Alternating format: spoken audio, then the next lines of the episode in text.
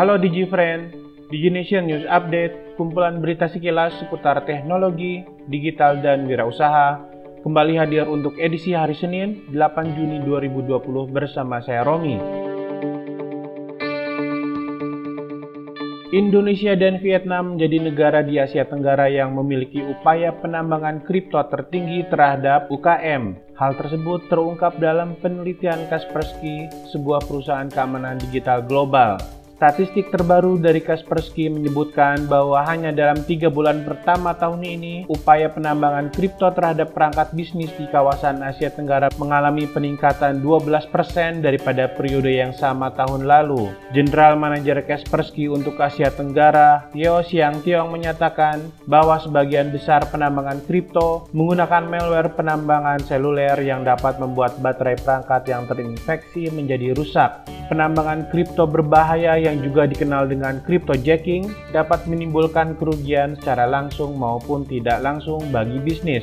Penambangan kripto yang menginfeksi komputer pengguna pada dasarnya beroperasi seperti ransomware yang memicu penambahan signifikan konsumsi listrik dan penggunaan CPU.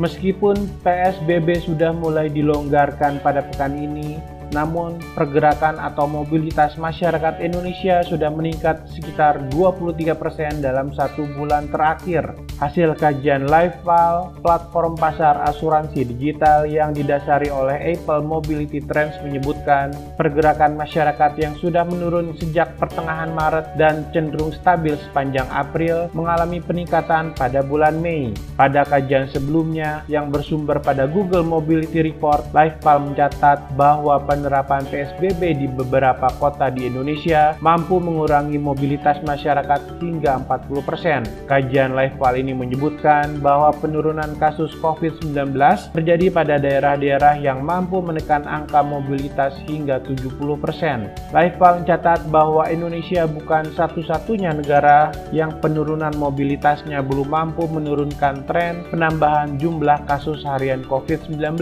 Negara-negara lainnya yang menunjukkan kecenderungan serupa adalah Amerika Serikat, Inggris, Swedia, dan Kanada.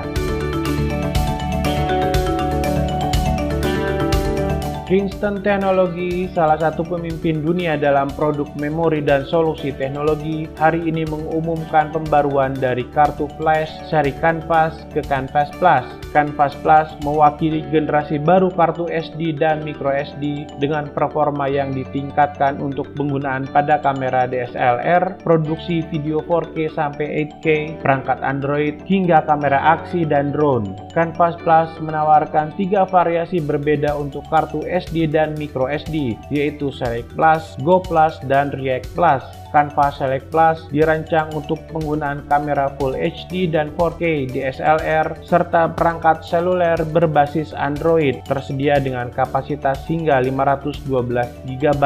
Canvas Go Plus ideal untuk merekam video dengan kualitas 4K UHD dan fotografi dengan burst mode menggunakan kamera DSLR atau video 4K menggunakan action kamera dan drone tersedia dengan kapasitas hingga 512 GB. Canvas React Plus mengandalkan performa UHS 2 yang paling tinggi di kelasnya untuk merekam video-video profesional bertaraf 4K hingga HK dan foto-foto beresolusi tinggi pada kamera-kamera standar industri. Demikian rangkaian DigiNation News Update kali ini. Untuk informasi seputar teknologi, digital, dan wirausaha lainnya, silahkan cek www.digination.id. Salam dan terima kasih.